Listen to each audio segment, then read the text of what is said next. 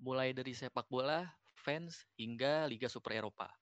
Itulah dia yang akan kita bahas di podcast UKM Sepak Bola UNER episode ketiga.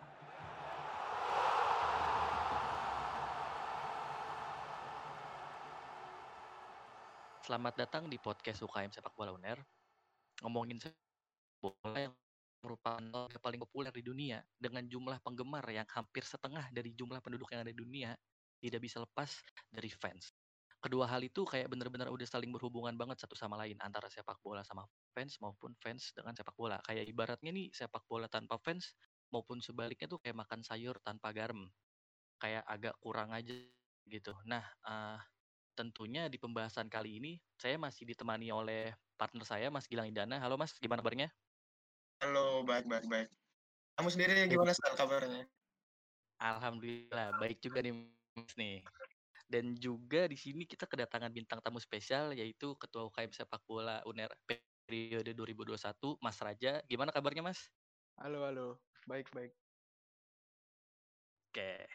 Nah, tentunya nih kita sebagai anak UKM sepak bola pasti pernah dong nonton bola dan pastinya kita punya klub kebanggaan yang kita dukung.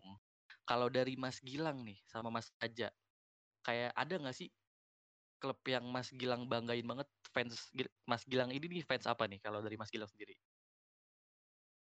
Uh, kalau aku sendiri saya emang uh, dari kecil suka sepak bola dan itu saya langsung suka sama uh, Chelsea dari kecil emang kayak apa ya uh, awalnya sih ceritanya itu kalau kenapa bisa fans sama Chelsea itu karena uh, waktu aku kecil dulu, waktu umur berapa ya, kalau nggak salah lima atau enam tahun gitu, kelas 1 SD kalau nggak salah, itu dibeliin uh, jersey sama omku gitu. Nah, kebetulan jersey yang dibeli ini itu jersey-nya uh, itu Andrei Shevchenko waktu itu masih nomor 7 di Chelsea gitu. Nah, sejak saat itu saya kayak aku ngerasa kayak oh berarti kayaknya uh, senang Chelsea aja sih gitu dan uh, kalau dari uh, apa ya personal sendiri sih aku juga suka warna biru gitu entah gara-gara uh, kecilnya suka Chelsea otomatis juga jadi suka warna biru atau uh, ya nggak tahu sih tapi aku dari kecil emang udah ngefans sama Chelsea gitu sih gitu kalau dari aku oke oke kalau dari Mas Raja gimana nih kalau aku sih udah dari lahir kayaknya ya udah dikodratin jadi fansnya Madrid nama aku aja nama lengkapnya kan Raja Muhammad Akmal ya. Kalau disingkat RMA tuh. RMA kan oh, iya. singkatannya Madrid ya. ya bisa dibilang kalau orang-orang bilang The Demit lah pendukungnya Madrid. Oke. Okay. Kalau okay, aku okay, sendiri okay. sih dulu itu apa ya kalau awal sukanya Madrid mungkin sama kayak Mas Gilang.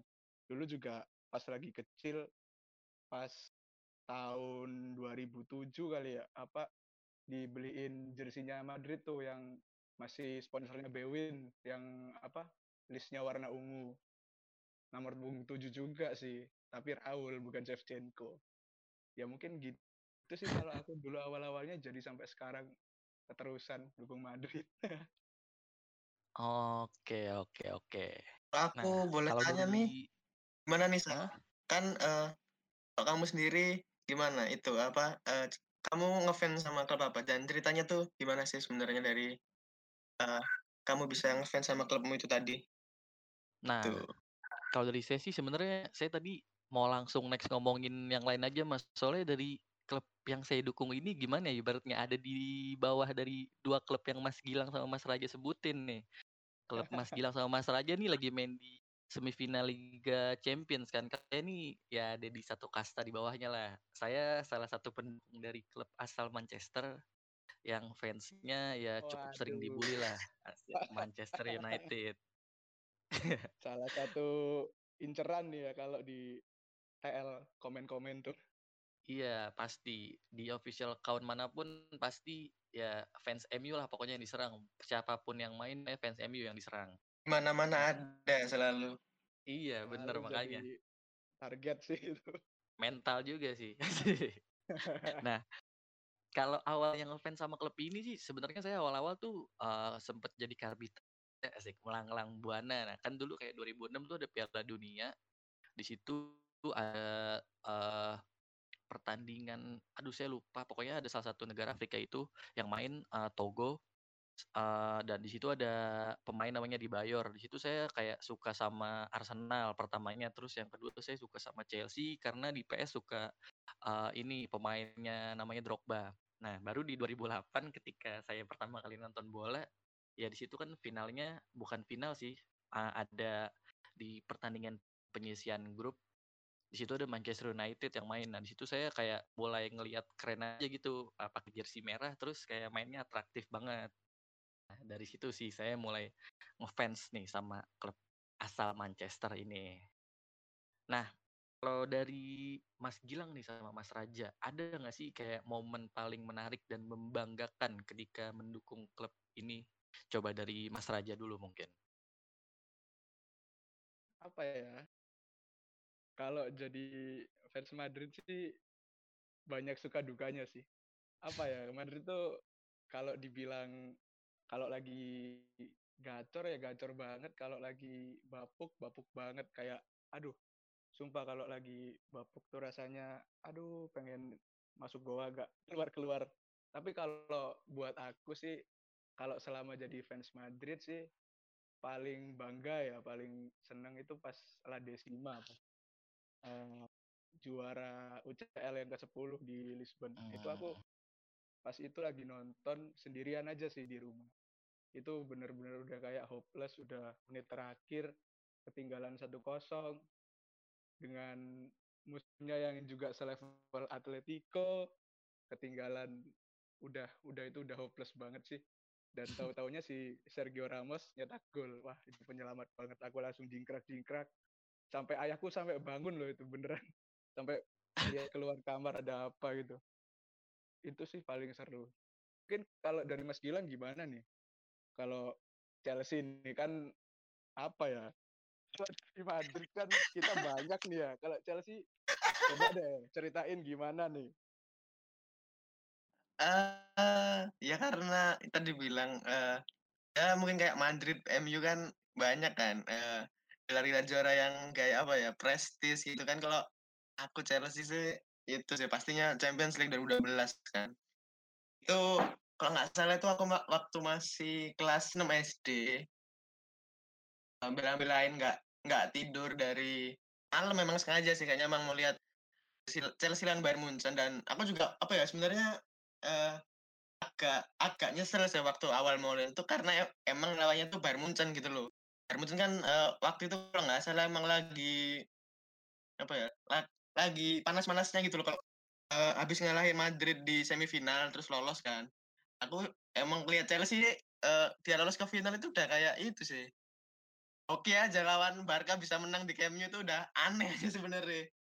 Nah itu final itu uh, sih pasti gara-gara itu ya Champions League juga prestisnya besar.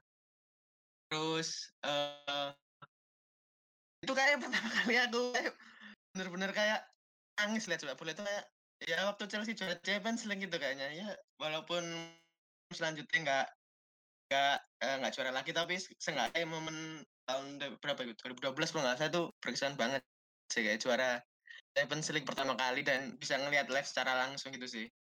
Itu lah dari aku. Kalau uh, Faisal sendiri gimana nih?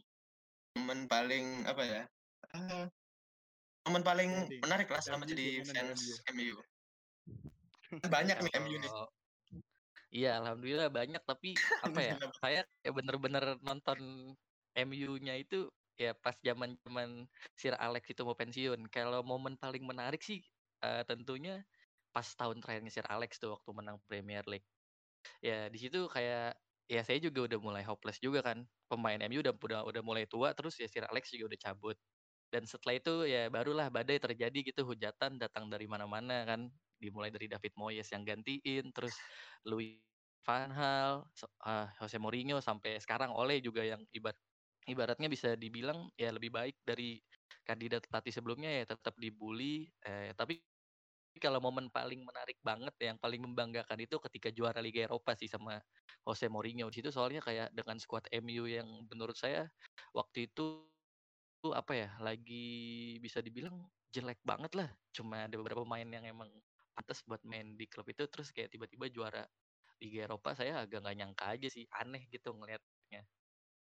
Nah, kalau ngomong-ngomong ini nih, apa namanya, uh, fans sama klub yang kita dukung, ada nggak sih kayak keinginan tersendiri gitu tentang klub yang didukung itu Mas? Kayak entah uh, Mas Gilang atau Mas Raja mau datang langsung ke kandang klubnya gitu buat nonton mereka secara langsung atau mau punya saham mungkin di klub yang Mas dukung atau Mas mau jadi pemain profesional di klub ini. Kalau dari Mas Gilang gimana nih? Uh, kalau aku sih uh, apa ya kayak fans layar kaca kan emang kayaknya sih impian mentoknya sih uh, bisa lihat langsung di itu sih Stanford Bridge kalau aku pasti kayak uh, sempat Nah, kadang aku sempat itu kayak sempat uh, mengimajinasikan diriku kalau berada di Stamford Bridge itu gimana dan uh, nanti bakal foto di uh, spot-spot mana aja gitu sih walaupun uh, ya nggak nggak front seat pun nggak apa-apa tapi seenggaknya itu udah Stamford Bridge aja gitu gitu sih sama uh, mungkin stadium tour sih soalnya ya kayaknya syarat budaya juga tempatnya Chelsea gitu kalau dari aku sih gitu kalau dari Mas Raja sendiri gimana nih? Dari Raja gimana? Aku sih ya sama ya, namanya Asia ya dari dari layar kaca doang kan kita bisa nontonnya. Kita nonton langsung ke stadion itu udah impian yang bener-bener besar yang pengen terwujud gitu sih ya. Aku sih pengennya ini sih kalau foto-foto yang di Madrid itu di Stadion Bernabeu itu yang sekarang. Sekarang kan sekarang sih lagi direnovasi kan ya. Nah ini uh -uh, iya, lagi iya. apa dibangun buat lebih modern tapi aku sebenarnya pengen banget bener foto di depannya Bernabeu yang masih lama yang ikonik banget tuh di depannya kan ada logonya Madrid. Orang-orang uh -huh. kalau jalan-jalan ke Bernabeu pasti foto pada foto di situ kan, tapi sekarang udah nggak ada ntar. Udah nggak apa-apa lah yang namanya renovasi ya, jadi bagus juga. Yoi. Nah, kalau dari saya sendiri kayak apa namanya ya, uh, harapan gitu ya, bukan harapan sih, kayak keinginan gitu sih buat klub saya sendiri ya sama kayak Mas-mas yang tadi bilang gitu kan, mau nonton langsung. Tapi saya ini lebih tertarik ke pertandingan lawan apa ya Liverpool lah gitu kan, uh, Manchester United ini Liverpool kayak bener-bener punya rivalitas yang tinggi banget nih ya. Saya mau aja gitu nonton langsung di Old Trafford ketika Manchester United ini lagi main lawan Liverpool. Ya dan di situ pokoknya MU harus menang lah. Kalau nggak menang saya balik lagi. Ya, kalau nggak menang saya balik lagi.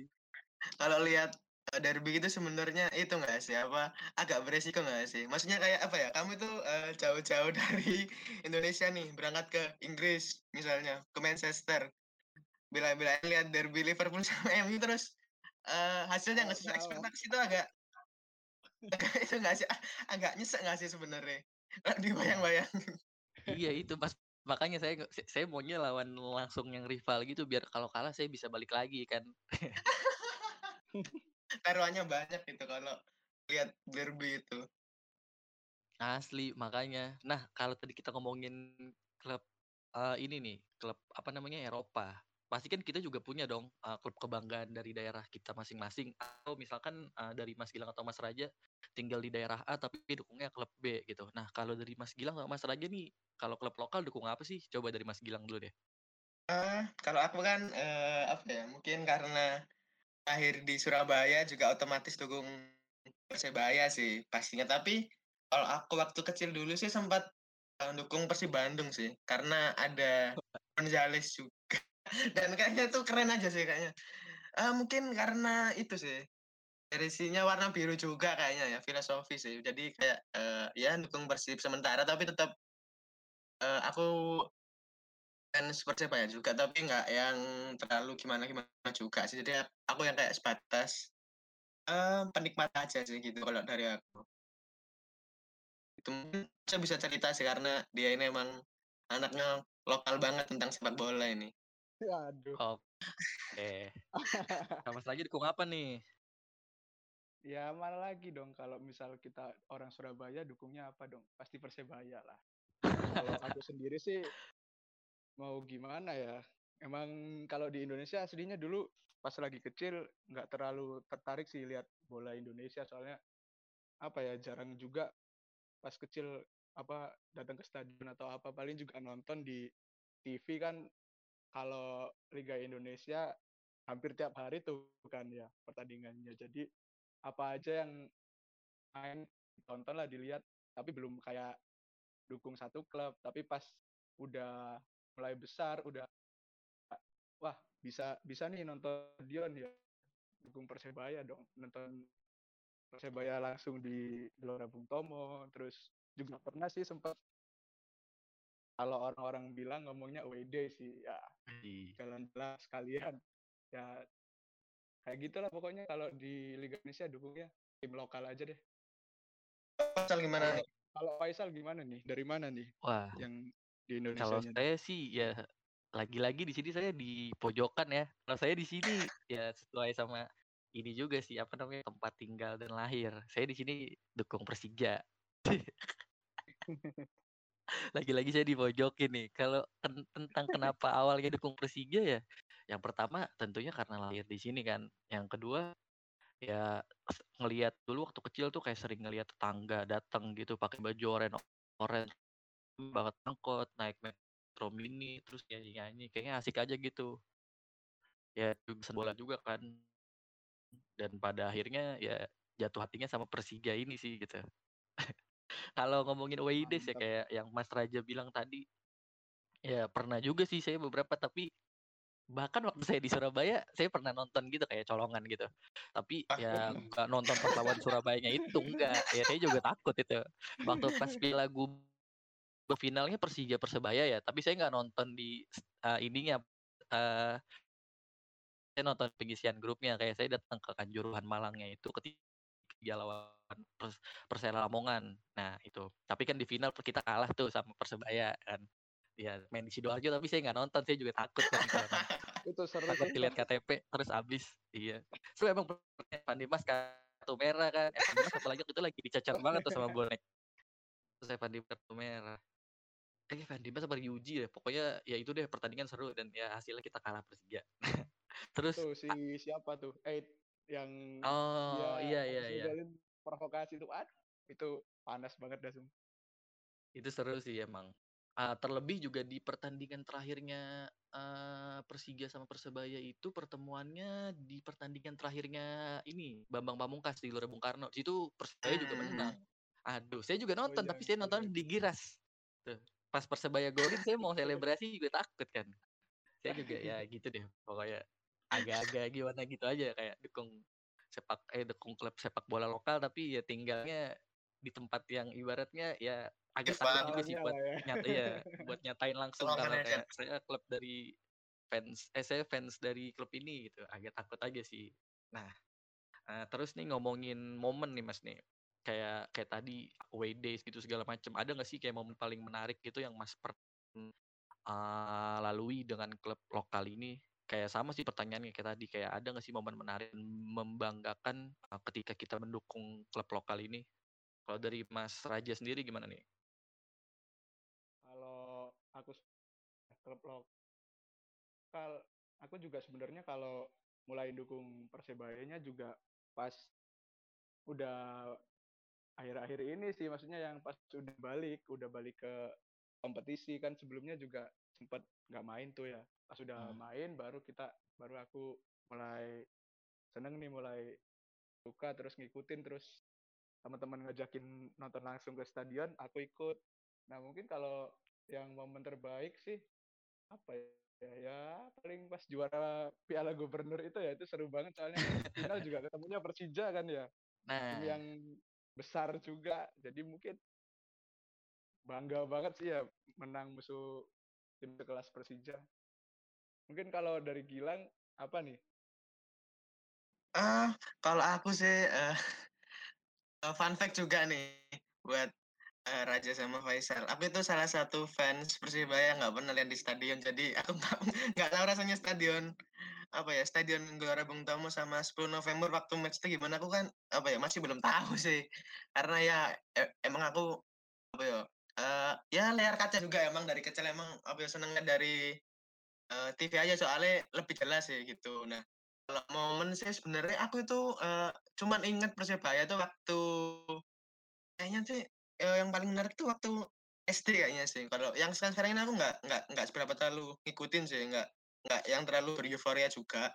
Kalau mungkin uh, dari waktu kecil kan emang kayak di SD itu teman-temanku kan ya emang kayak sama-sama Persebaya juga satu SD gitu kan kayak kalau misal uh, Kamis malamnya ada match, nah Persebaya itu menang misalnya nih, nah besoknya Jumat itu mesti rame ngebahas Persebaya di sekolah gitu, gitu sebenarnya ya ya cuman anak SD gitu loh. Dan uh, kayaknya momen menarik sih kayaknya uh, kalau nggak salah tuh waktu Persebaya menang lawan Persisam kalau nggak salah waktu apa ya bro? Tiga kosong kalau kalau nggak salah di Gelora 10 November dan udah lama banget sih mungkin uh, Raja sama Faisal lupa juga matchnya itu kapan dan uh, ya itu sih kayaknya momen paling uh, best moment dari aku lihat Persibaya sih itu.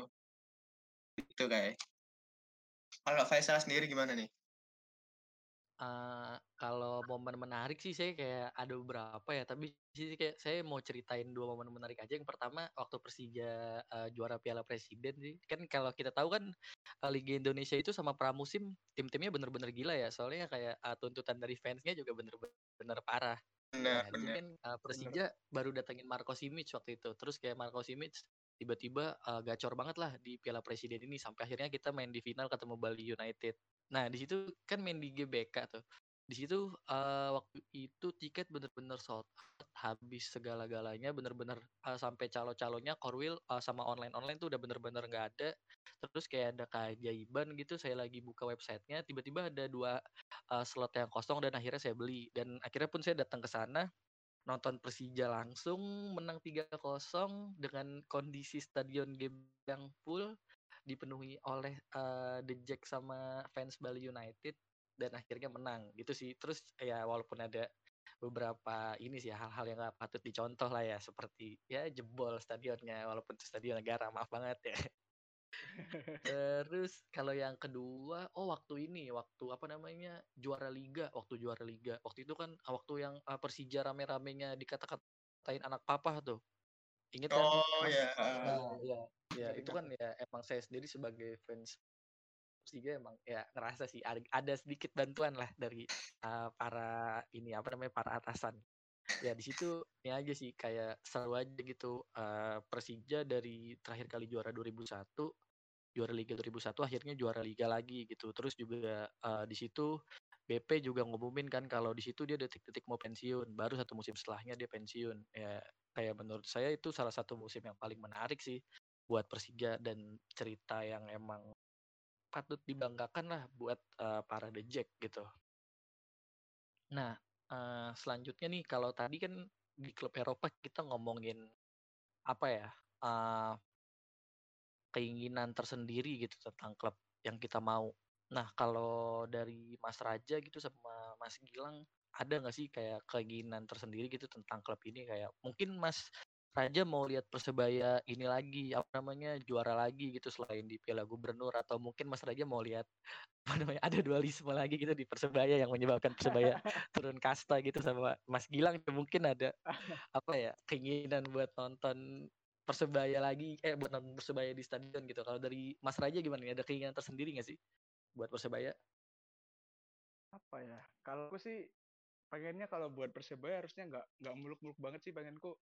Pengen Persebaya itu lebih jadi ngarah ke klub yang modern lah, yang lebih profesional. Aku ini sih seneng banget sih lihat Persija udah hitungannya sudah selevel di atas tim-tim kebanyakan di Indonesia ya kan udah punya itu tuh yang di era apa Sawangan ya kalau nggak salah udah bangun tren oh, iya. juga. Lapangan.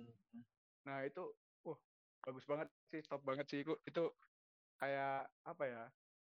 Harus dicontoh lah sama klub-klub di Indonesia yang nggak terkecuali Persebaya juga. Aku sebenarnya nggak nggak pengen muluk-muluk banget kayak harus juara terus beli pemain yang bagus. Aku pengennya sih kalau buat Persebaya jadi klub yang menuju ke arah yang profesional banget yang kayak mulai mengarah ke klub-klub yang modern seperti itu sih kalau yang aku pengenin kalau dari Gilang gimana sih gimana nih Uh, kalau aku sih mungkin ya bener uh, apa yang kayak disampaikan aja tadi, cuma kalau aku sih lebih ke arah development itu sih, development klubnya aja mau ngarah ke mananya itu uh, yang apa ya, yang kayak kita tuh harus berkiblat kayak kalau aku sih ngeliat itu kayak Bali United gitu loh kan. Hmm. Ah, Bali hmm. United tuh aku ngerasa kayak dia tuh emang yang tim uh, Indonesia yang kayak udah siap buat apa ya, sesuaiin di sepak bola modern sih gitu. Dan aku ngerasa kayak Persibaya itu masih belum gitu loh. Dan harapanku sih bisa kayak uh, gitu kayak Bali United gitu sih.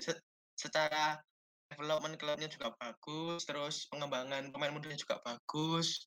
Terus saya kalau kalau dari aku sendiri gitu. Kalau dari Faisal ada harapan-harapan atau apa ya uh, yang mau diinginkan dari klub iya. kebanggaannya Persija Jakarta? Kan udah udah masuk bagus nih gimana nih keinginan dari Jackmania kalau di saya sendiri sih gini sih ya, apa ya, ah, saya juga bukan fans yang emang selalu menuntut Persija juara, apalagi di pramusim ini kan kayak, uh, Piala Menpora Cup ini ya menurut saya gimana ya, Persija terlalu maksain buat juara sih. Saya lebih berharap kepada fansnya aja, supaya apa ya uh, agak nurunin standarnya dikit lah itu ke Persija. Jangan selalu menuntut juara. Emang fans tuh bag emang kayak klub tuh bagus lah kalau juara terus. Tapi kayak dilihat juga lah kan ada yang namanya proses gitu. Nah kalau saya ngelihat di sini tuh kayak The Jack tuh selalu di sesi komen kalau kalah tuh ya, ya pasti hashtag Sudirman out atau hashtag siapa pelatihnya ah gitu. Kalau menang ya pasti ah, iya kalau menang ya pasti langsung ngatain klub yang dia kalahin gitu. Kalau enggak nyenggol Persib kalau enggak Persebaya ya gitu sih. Uh, dari ngeliat permainan kemarin juga di Menpora Cup saya juga belum terlalu puas sih. Soalnya kayak ya bisa dibilang masuk final ya bukan karena Persija yang bagus sih. Karena emang apa ya karena ya lawannya yang emang udah bisa ngasih perlawanan segitu aja gitu. Persija menurut saya masih kurang maksimal. Kalau buat pembinaan sendiri sih ya saya uh, lebih berharap Persija tuh bisa kayak klub luar terdekat deh contohnya kayak Johor Darul Tazim gitu kan pembinaannya bagus banget. Bahkan tim keduanya Johor Darul Tazim tuh kalau dimainin di Liga 1 kayaknya masih bisa juara liga deh. Soalnya kayak materi pemainnya bagus-bagus banget bener-bener kayak pokoknya klubnya terstruktur gitu. Terus juga kayak saya mau di Persija gitu apa ya eh, nggak uh, nggak terlalu uh, ini sama satu pemain lah gitu nggak terlalu gantung sama pemain. Soalnya kayak selama ini saya nonton Persija tuh ya kalau nggak Marco Simic ya Rico Simanjuntak gitu. Kalau nggak dari dua itu ya Andri Tani. Ya udah itu itu aja gitu yang ibaratnya selalu muncul lah gitu di omongan Persija. Saya maunya uh, Persija ini muncul di omongan karena kebesaran nama timnya gitu bukan karena nama pemain bintangnya gitu kalau dari saya. Wih itu btw Persija kan pemainnya banyak tuh ya pemain bintangnya. Kalau Mas Faisal sendiri paling suka paling idolain siapa tuh di Persija? Kan ada Marco Mota juga yang bekas pemain okay. Juventus. Sepanjang masa, sepanjang masa deh. Oh, kalau sepanjang masa tentu saja ya inilah Bambang Pamungkas. Bambang Pamungkas pasti kalau saya. Iya, saya beli baju RC Timnas mau ori mau KW pasti belinya BP. Nah, kalau untuk sekarang sih pemain favorit saya ini sih apa namanya Rohit Chan. Soalnya kayak ya bener-bener apa ya play with passion aja gitu. Mainnya bener-bener dari hati aja gitu. Mainnya apa ya bagus. Terus kayak dibutuhin selalu ada main di mana aja ayo. Ya kecuali kiper gitu maksudnya. Ya pokoknya keren aja sih. Kalau dari Mas Gilang sama Mas Raja gimana nih? Kalau dari Mas Raja dulu gimana? Main apa namanya favorit sepanjang masa dan saat ini kalau di Persebaya sih aku dari dulu paling suka David da Silva tapi musim ini ya karena kemarin liganya berhenti dia jadi nyebrang ke negeri tetangga. Dan kemarin pas Piala Menpora kan kita ngeluarin squad yang bener-bener full lokal tuh ya. Nah itu aku seneng lihat mainnya si ini sih siapa? Adi Setiawan. Itu bener-bener jiwa persebayanya kelihatan lah. Dia ngeyel kalau kita bilangnya. Ngeyel banget dia mainnya itu. Cocok lah kalau dia jadi apa ya itunya persebaya pemain utamanya persebaya. Jadi bener-bener khas banget cara permainannya sama persebaya. Kalau dari Gilang siapa nih pemain paling disukai nih di persebaya? Uh, kalau aku sih sebenarnya di Persebaya itu ada itu sih apa ya? Uh, dari kecil sukanya sama pemain ini, waktu SMA sukanya ini, sekarang sukanya ini. Kalau mungkin dari uh, kecil sih aku paling itu sih kayaknya uh, semua anak kecil di Surabaya pada waktu juga suka sih. Kayaknya uh, nama Andi Odang itu udah kayak uh, melegenda iya, banget sih di, di anak-anak kecil Surabaya waktu itu gitu. Itu kayak jadi apa ya? Uh, idola semua orang kayaknya. Kayak setiap dia ngegul itu emang kayak uh, race-nya gede banget dan semua orang fans sama dia kalau uh, Persebaya yang uh, yang uh, belakangan ini sih uh, aku, aku sempat suka itu sama Irfan Jaya tuh uh, suka sih kayak kayak permainannya tuh emang aku sih ngelihatnya kayak dia tuh kayak Eden Hazard gitu loh. Jadi kayak Wih. ya ya fifty fifty lah hampir sama dan kayaknya uh, suka sih sama Persebaya apa pemain Irfan Jaya itu tapi ya sayangnya deh pindah ke PSS gitu aja sih. Ya agak gimana gitu tapi ya ya usah lah apa. Iya gitu.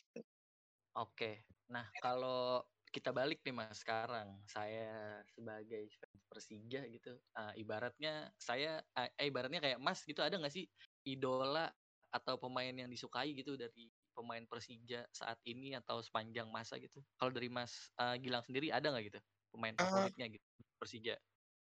Persija sih eh Ryuji itu masih main di Persija ta? Masih tapi uh, pinjaman. Sekarang lagi dipinjam ya, ke, ke Penang. Ya? Iya. Uh, kalau sing sekarang sih kayak itu sih.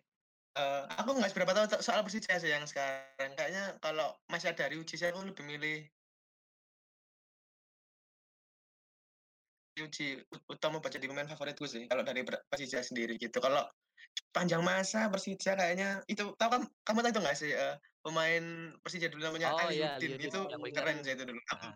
Itu, itu keren itu aku seneng sih itu sama apa uh, Tolo Musafri itu keren juga oh, dulu. Iya. Trio tuh dulu. Keren itu. Zaman-zaman ISL tuh ya. Hmm, zaman-zaman ISL itu keren banget sih itu. Kalau Raja nih, gimana? Kalau aku Persija kalau dari dulu oh iya sih apa sedikit cerita aja ya kalau aku dulu awal-awal suka sepak bola juga karena nah, lihat Bambang Pamungkas juga ya jadi mungkin kalau di Persija pemain yang paling aku suka ya si Bambang Pamungkas soalnya dulu aku juga sedikit cerita balik ke awal suka sepak bola kan pas Indonesia main di Piala AFC 2007 ya itu ya yang pas main di GBK juga tuh ada kan. Nah, itu Bambang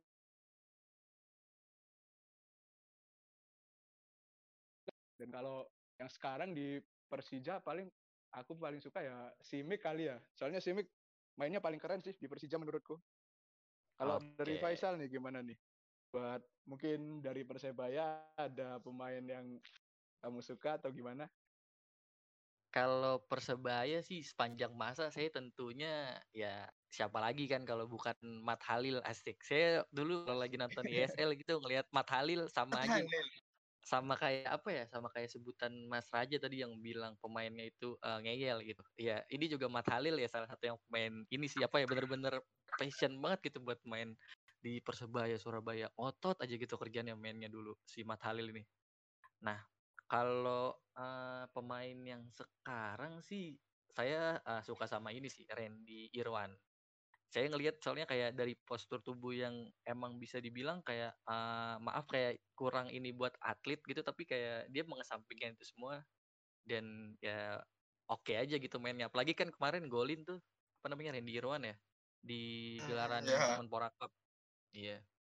Itu sih salah satu, apa namanya uh, hal kenapa saya suka sama Randy Irwan sama Mat Halil.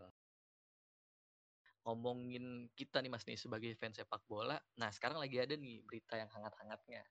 Uh, tentang pro kontra antara fans, klub dan pemain yaitu Liga Super Eropa.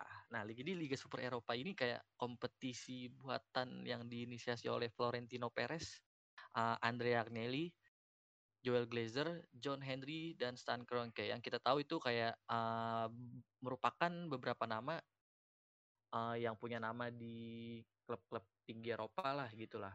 Nah, terus kayak di sini tuh kayak munculin berbagai pro kontra gitu. Kayak dari fans nih banyak banget yang gak mau uh, kalau Liga Super Eropa ini diadain.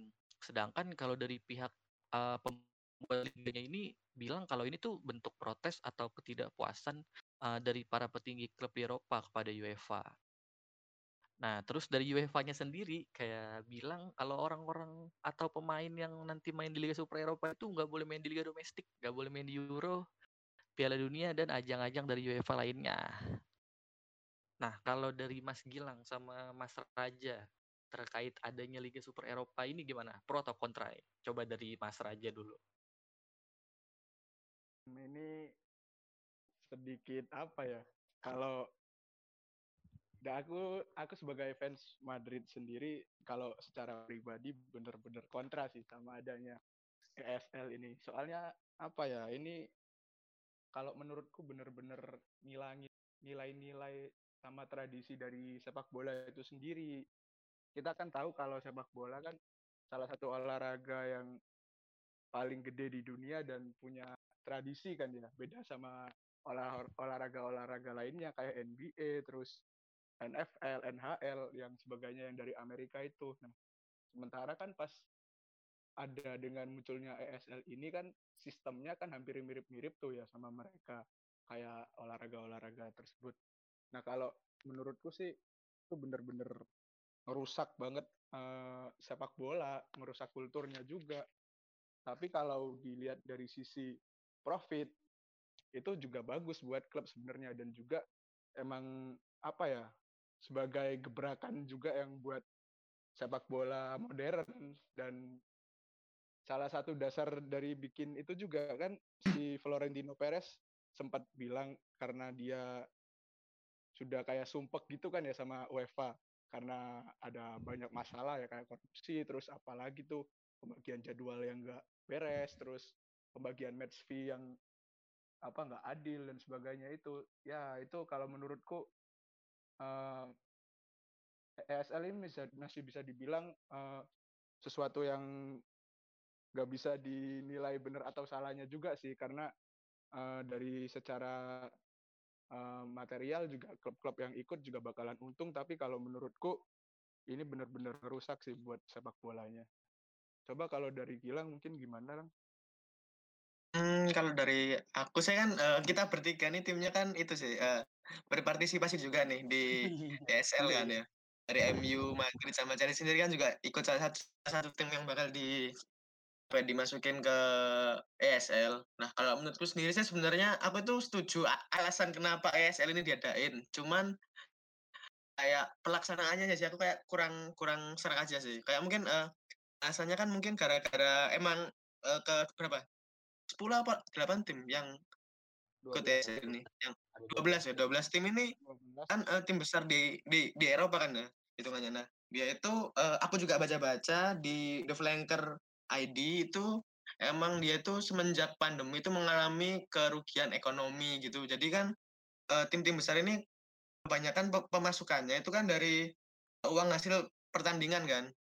Nah, sedangkan di pandemi kayak gini tuh uh, di mana penonton itu nggak boleh datang, dibatasi, itu kan otomatis mengurangi apa ya kayak pemasukan klub itu kan. Sedangkan klub itu juga butuh uang banyak buat uh, menggaji pemain, staff, sama ya mungkin uh, petinggi-petingginya juga gitu sih. Nah, sedangkan kenapa itu perlu sebenarnya dilakukan itu supaya menyelamatkan finansial dari klub menyelamatkan dua apa ya finansial dari 12 klub itu tadi sih gitu. Nah, tapi aku kontranya itu di pelaksanaannya sih kayak kalau mungkin uh, European Super League ini dilaksanain waktu kayak uh, pramusim sih aku masih setuju mungkin karena itu emang uh, banyak nguntungin profit juga. Tapi kalau misal itu dibarengin sama kayak jalannya Champions League sih aku kurang setuju juga gitu loh. Sedangkan uh, apa ya alasan mereka mengadakan European Super League kan karena anggapan kalau UEFA Champions League ini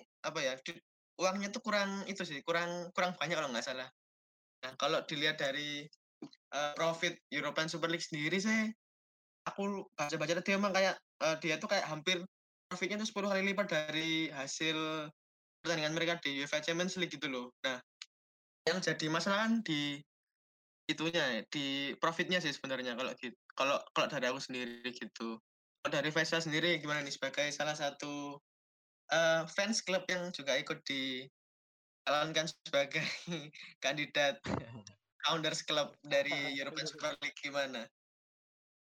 Wah, kalau saya sih bener-bener kontra banget sih sama adanya ESL ini di samping duitnya yang emang banyak banget ya. Uh, jadi kalau di ESL ini kan klub tuh nanti dapat 350 apa namanya juta pound sterling ketika hmm. mengikuti kompetisi ini. Ikut doang tuh dapat duit gitu, enak banget kan ibaratnya. Nah, uh, jadi kalau dengan adanya itu menurut saya jadi kurang bagus aja sih sepak bola tuh bener-bener jadi bener ladang bisnis aja gitu ya emang kita tahu kan klub sepak bola tuh pasti butuh duit tapi menurut saya ini terlalu dibisnisin sih nggak ramah buat fans dan klub-klub lainnya nah dengan adanya SL ini juga pasti bakal ngerugiin klub kecil banget kan mm-hmm. klub-klub di luar uh, top 6 Liga Inggris uh, terus di klub-klub top di liga Eropa lainnya gitu. Nah, terus di sini juga ESL ini menurut saya bakal matiin ekosistem liga yang udah dibangun sih. Kalau ibaratnya ada satu liga yang ditinggalin sama tim-tim besarnya, ya otomatis nanti orang nggak ada yang mau nonton liga ini lagi. Contohnya kayak liga ini deh, liga Italia kan.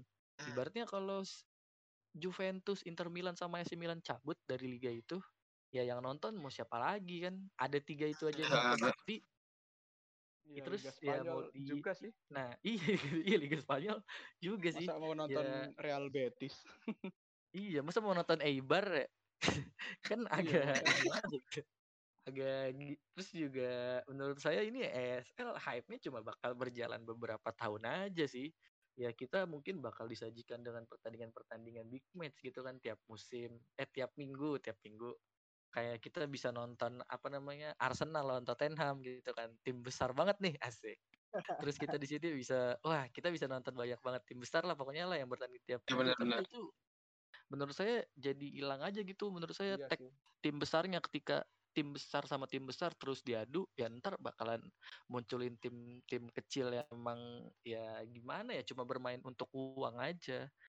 Terus menurut saya ESL ini juga apa ya uh, upaya dari para petinggi klub uh, itu aja sih uh, buat mereka untuk jadi ada di posisi UEFA sekarang. Kan emang UEFA itu bisa dibilang ya agak korup lah ya bukan agak korup sih korup banget UEFA ini banget UEFA ini korup banget saya juga kesel asik terus ya para petinggi ini juga mungkin ngerasa duit dari UEFA yang turun tuh kurang nah terus mereka ya mau ngambil duitnya itu dengan cara melakukan kudeta.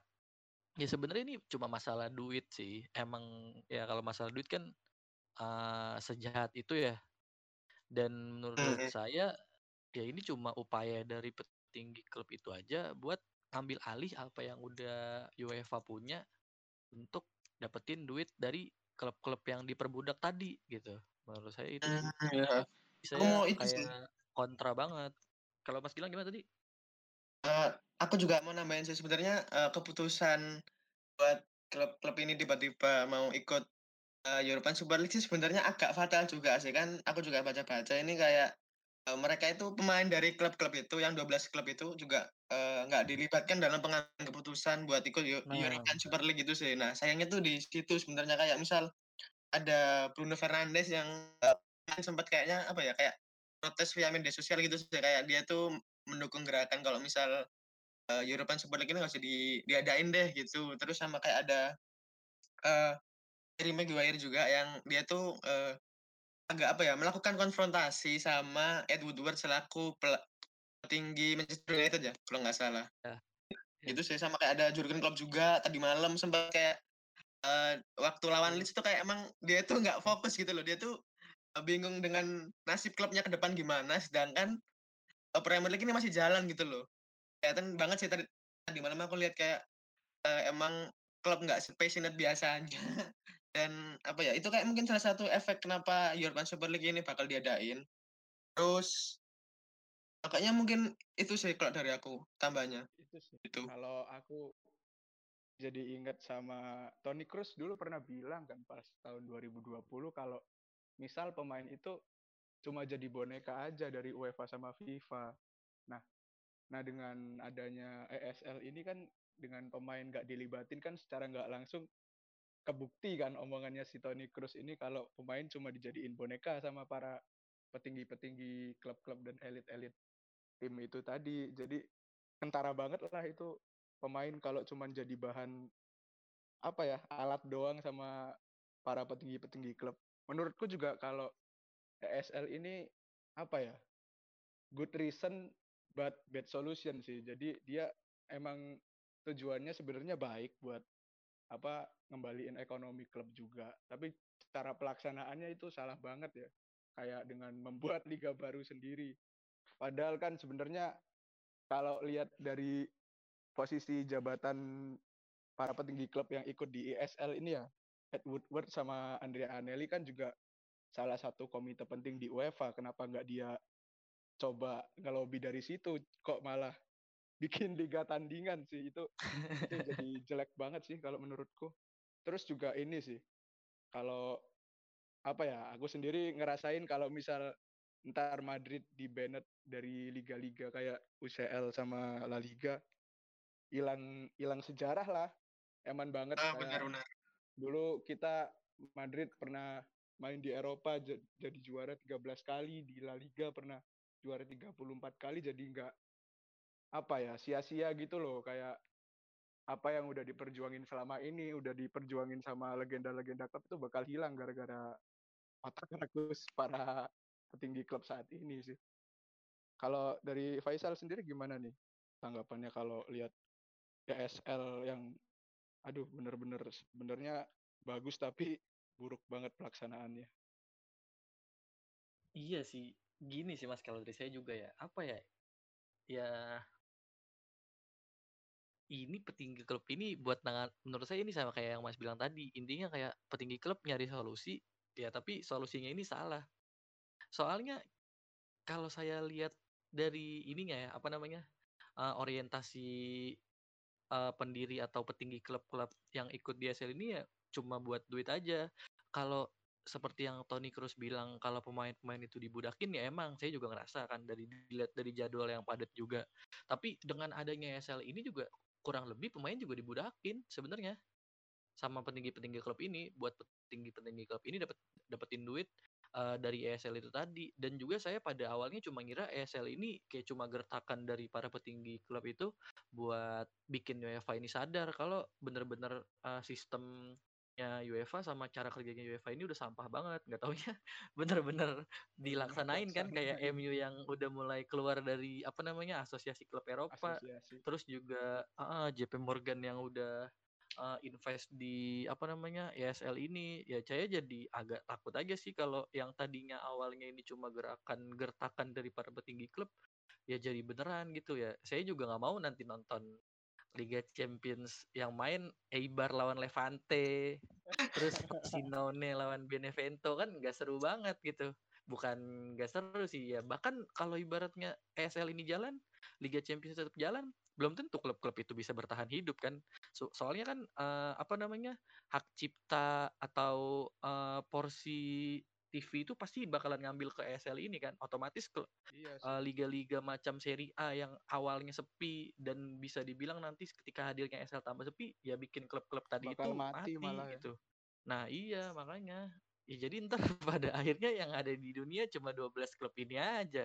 Kan jadi kurang seru kan. Ya sepak bola kan kayak ibaratnya sebuah olahraga untuk berkompetisi ya. Jadi esensi kompetisinya itu menurut saya udah nggak ada. Jadi uh, kayak olahraga ini cuma untuk orang-orang tertentu aja yang bisa mainin sepak bola, yang bisa main uh, di kasta tertinggi sepak bola gitu. Gak gak semua orang bisa main di kasta tertinggi dan di dua klub 12 klub elit ini gitu sih.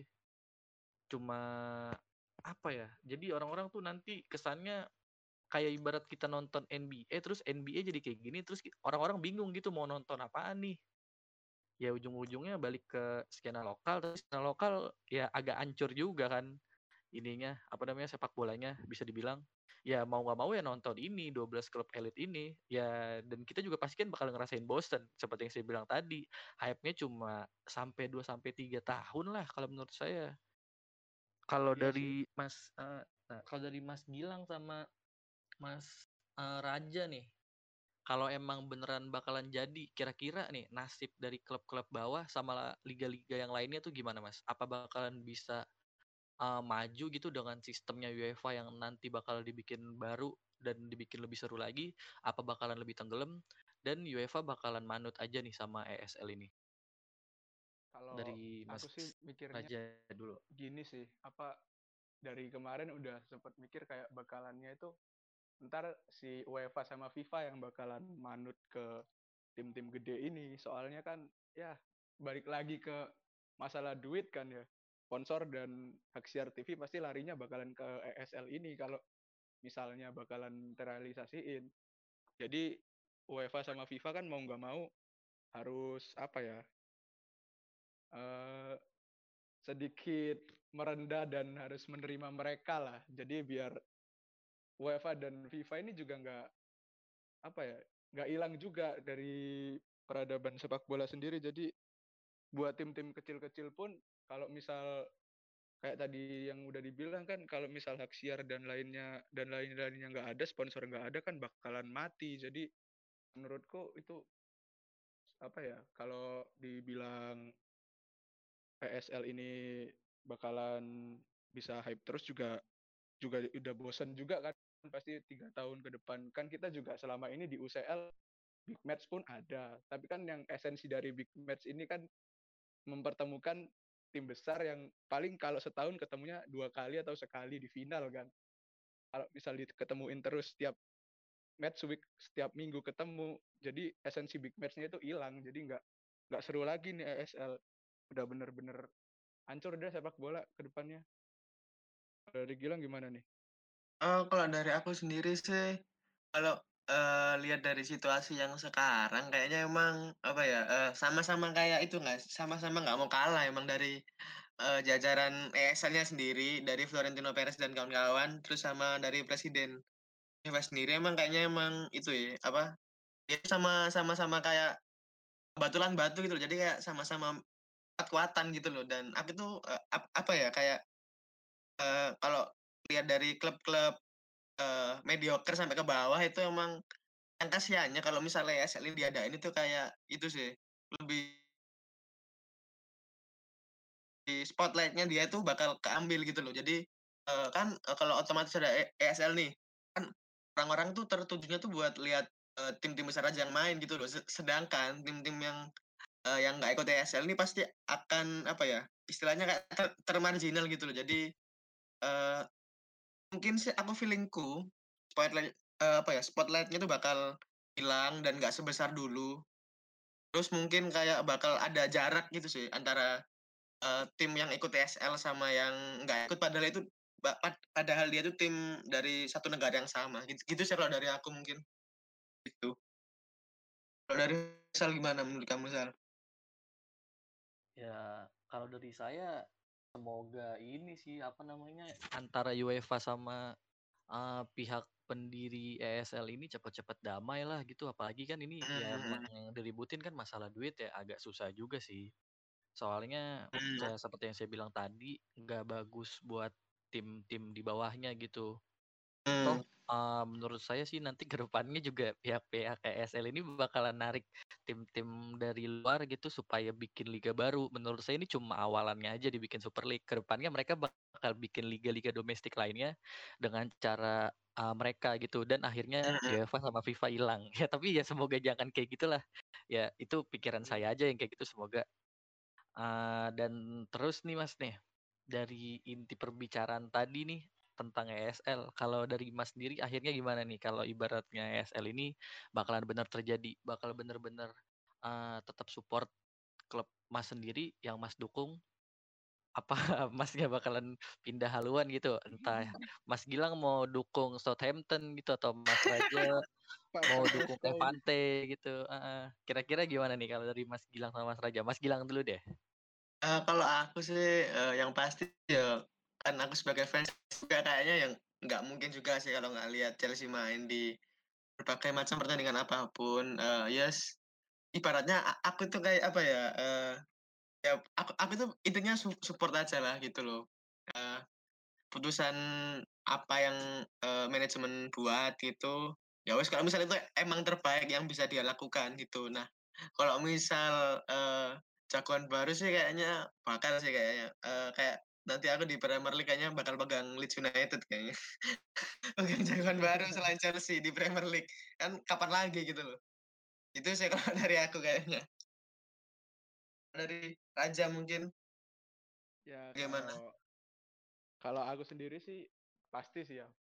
Mau di mana pun Madrid main pasti bakalan tetap dukung Madrid. Tapi kalau secara pribadi kalau buat ESL aku bener-bener gak setuju sih kayak bener-bener gak seru lah ntar bakalannya setiap kita main Madrid main bakalan ketemu tim-tim kayak Liverpool terus ketemu MU ketemu Chelsea ketemu Juve setiap pertandingannya. Jadi yang sebenarnya kita kalau ketemu tim-tim itu ada apa ya rasa kayak wah ini big match nih ada derdek-derdeknya gitulah kalau ntar kalau ada di ESL yang bakalan ketemu hampir tiap pekan jadi bakalan gak seru sih dan ntar bakalan apa ya kayak itu nggak sih kayak apa uh, kayak malah kayak itu oh, pramusim nggak sih di di International Champions Cup itu biasanya?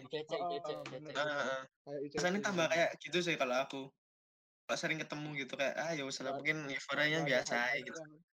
uh. udah hype hype nya banget kan. Kalau ECC eh, ICC kan juga ketemunya kan tim-tim gede tapi aduh bener-bener kayak sampah banget tuh lihat pemainnya mainnya juga kadang-kadang nggak semangat apalagi kalau.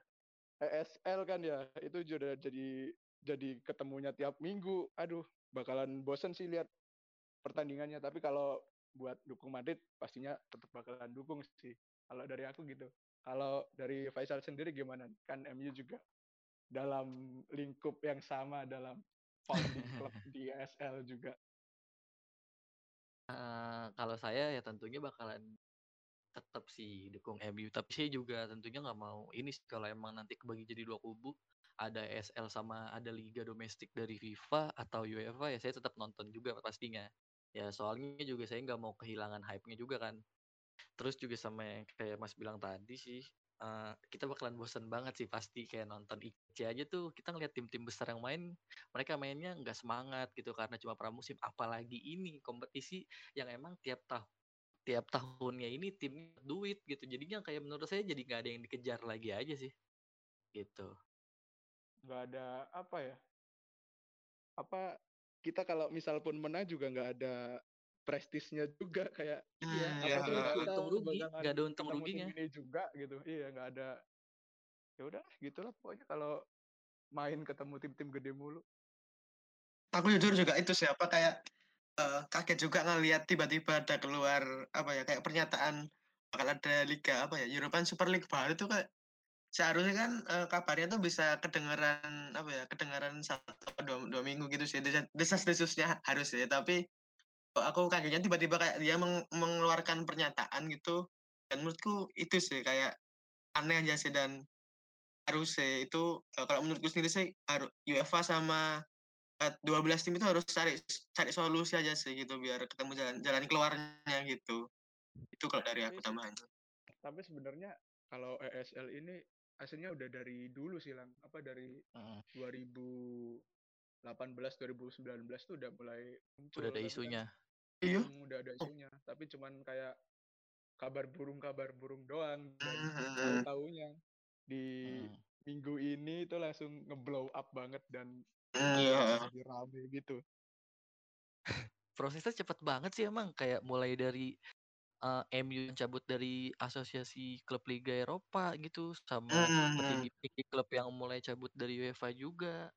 Nah, terus kita ngebahas pemainnya nih Mas nih. Kalau dari Mas sendiri kira-kira kan kalau dari ESL ini menurut saya orientasinya udah duit banget nih. Sedangkan untuk jenjang karir seperti trofi dan lain-lain bisa dibilang ya kurang lah untuk ESL ini. Ada banyak trofi-trofi dan kompetisi lain di luar sana yang emang bener-bener menarik dan seru banget buat ikutin nanti kayak Piala Dunia, Liga Champions, WEL, uh, dan lain-lain. Menurut Mas sendiri nih, pemain-pemainnya kira-kira banyak yang bakal cabut nggak sih dari klub buat main di liga-liga lain di luar ESL ini? Dari Mas Gilang, coba. Uh, kalau prediksi pemainnya bakal uh, uh, dari klub sih kayaknya uh, ada kemungkinan sih beberapa pemain kayaknya emang yang yang nggak setuju sama ESL ini bakal keluar keluar dari klub walaupun apa ya istilahnya kontrak dia masih panjang gitu mungkin uh, ada tendensi juga buat itu sih buat mereka cabut ke klub itu sebagai kayaknya juga sebagai bentuk protes gitu loh dia kenapa uh, harus ikut ke harus ikut ESL gitu sih dan menurutku sendiri sih uh, banyak pemain juga dari klub 12 klub itu yang Uh, banyaknya nggak setuju sih kayaknya dari diadain ESL ini gitu. Itu kalau dari aku mungkin. Kalau dari Raja sendiri gimana? Kalau apa masalah pemain sih ya juga kayak yang tadi udah dibilang pasti pemain juga bakal apa ya bosen juga dengan apalagi kalau misal ntar mainnya tiap main kan ketemu tim gede dan harus ngeluarin tenaga ekstra pasti pemain-pemain juga bakalan males kalau disuruh main dengan intensitas yang tinggi setiap pekan juga. Jadi kalau pemain-pemain mikir ya paling kalau ada lah pemain yang pastinya emang mikirin uang, mereka bakalan join, tetap join ke ESL. Tapi kalau yang emang masih mentingin karir buat nyelamatin karir mereka sih mending cabut aja. Dan di liga-liga gede pun juga ya di liga-liga yang di luar ESL yang liga-liga Inggris, Liga Spanyol, Liga Italia kan juga masih ada sebenarnya tim-tim yang kalau dibilang lumayan buat tampil di liganya dan bikin seru liganya juga pasti masih ada dan bisa sih pemain-pemain yang pengen menyelamatin karirnya join ke liga itu aja daripada di ESL. Kalau dari Faisal sendiri gimana nih? Wah, kalau saya sih menyarankan sih, saya lebih menyarankan pemain-pemain yang ada di 12 klub elit itu untuk cabut sebagai bentuk apa ya uh, tindakan protes lah gitu. Mungkin pemain-pemain seperti siapa ya yang emang kita bisa lihat ini bermain dengan passion lah, bukan uang. Oh, uh, inilah Bruno Fernandes lah. Kita tahu kan sebenarnya ini Bruno Fernandes aturan nggak usah ke MU. Dia kemarin ditawar Barca malah datang ke MU. Nyusahin aja. Aturan dia kalau ke Barca udah bisa dapat Copa del Rey kemarin dia MU gak dapat apa-apa. Menurut saya ya kayak pemain-pemain bintang klub itu harus cabut sih. Kayak sebagai bentuk protes atau sebagai bentuk kudeta mereka aja. Supaya emang ESL ini ya nggak jadi lah gitu supaya ESL pihak dari ESL melunak dan UEFA juga mulai sadar gitu dengan kesalahan-kesalahan yang ada. Nah, terkait dengan cabutnya para pemain nih, pasti uh, tentu ada harapan lah gitu dari kita terkait ESL sama UEFA yang lagi ribut ini. Kalau dari Mas sendiri, ke depannya gimana nih sebagai penutup? Kira-kira ya gimana sih kira-kira nih ESL bakalan emang terus berjalan kayak gini? Apa kira-kira ESL bakalan balik lagi gitu? Bergabung dengan UEFA dan FIFA? Dari Mas Raji mungkin. Kalau dari aku sih harapannya FIFA sama UEFA harus cepat-cepat rekonsiliasi lagi aja sih cari solusi sama apa klub-klub yang ada di ESL itu tadi. Kalau bisa sih ntar ESL ditiadain aja. Jadi emang kayak ini cuman buat kertakan UEFA sama FIFA biar lebih baik lagi ke depannya. Jadi apa sih UEFA sama FIFA ini cobalah melunak dan coba mereka tarik lagi tuh klub-klub yang ada di ESL biar mereka balik lagi ke ekosistem sepak bola yang sebenarnya. Karena eman sih kalau aku bilang sayang banget kalau misal ntar bakalan benar-benar ada kompetisi semacam ESL di sepak bola. Jadi apa kayak yang sepak bola yang selama ini kata kita kenal itu udah nggak ada lagi. Benar-benar jadi industri, benar-benar jadi bisnis sih sepak bola jadi ladang bisnis. Kalau dari aku gitu sih. Kalau Gilang sendiri gimana? Uh, kalau dari aku sih uh, kayak pre prediksiku sih kayaknya bakal itu sih banyak uh, dari apa ya pemain ataupun staff dari 12 tim itu yang nggak setuju bakal uh, memprotes adanya ESL dan aku ngerasa kayaknya ESL itu bakal sulit terjadi juga sih kalau misal di antara uh, kesepakatan antara klub sama pemain itu nggak sejalan itu bakal itu sih susah, susah juga buat uh, ngejalanin ESL itu. Kayaknya sih hmm, aku sih prediksi kayaknya nggak nggak nggak bakal jalan juga dan bener kata Raja bener kata Raja tadi sih kayaknya itu bak cuman uh, kayaknya apa ya gertak gitu sih buat Eva supaya lebih apa ya sistemnya diperbaikin lagi gitu mungkin. Gitu sih kalau dari aku. Itu mungkin kalau dari uh, Faisal ada? kalau dari saya sih, uh, saya lebih berharap sama staff, pemain, uh, sama pelatih, sama fans buat bersatu gitu. Uh, supaya bisa lah gitu bikin suatu gerakan untuk menggagalkan ESL ini. Seperti kita, kita ngeliat banyak banget tuh tim-tim di bawah top Big Six di EPL kemarin tuh uh, mulai bikin gerakan lah kayak football without fans uh, is nothing gitu. Hmm, ya Nah, terus kayak harapan saya gerakan-gerakan kayak gitu dibanyakin lagi sih. Soalnya yang saya takutin juga di sini takutnya sama kayak yang terjadi di negara kita tercinta gitu kan. Ada ISL, ada IPL ah, iya. yang menyebabkan klub yang apa ya? Adanya dua antara klub gitu kan. Kayak kemarin Arema terus ya Arema sampai sekarang sih. Terus Persebaya Ya, terus ah, banyak klub-klub yang dualisme. Ah, iya, merasa iya dualisme-dualisme itu banyak lah. Ya saya yang takutin itu juga sih. Terus yang saya takutin juga nanti pemain pemain-pemain yang ada di klub ini nggak ada gitu lagi pemain-pemain muda untuk dibina lagi gitu yang akhirnya ya sepak bola cuma jadi olahraga mati gitu aja. Hmm, yeah lebih ke ini sih aku juga lebih ketakut juga sih adanya ESL beneran sih aku takut banget ada ESL ini. Ntar bener-bener matiin sepak bola dari segi klub-klub juga klub-klub yang main di ESL itu juga bakalan apa ya pemain-pemain juga bakalan cabut terus juga fans-fans juga bakalan banyak yang kontra sama klubnya sendiri kan jadi nggak enak juga buat dukung klub klub sendiri tapi mainnya di liga yang ya bisa dibilang sampah itu tadi sih aku takutnya kayak gitu. Hmm. Kayak nggak ada pembinaan buat pemain muda karena klub-klub elit itu ya mau mainin pemain tua sekalipun mau mainin pemain umur 60 tahun mau menang mau kalah ya tetap dapat duit dapet gitu. Duit. Jadi pemain muda iya. ini iya cuma stuck di satu tempat gitu aja nggak bisa berkembang.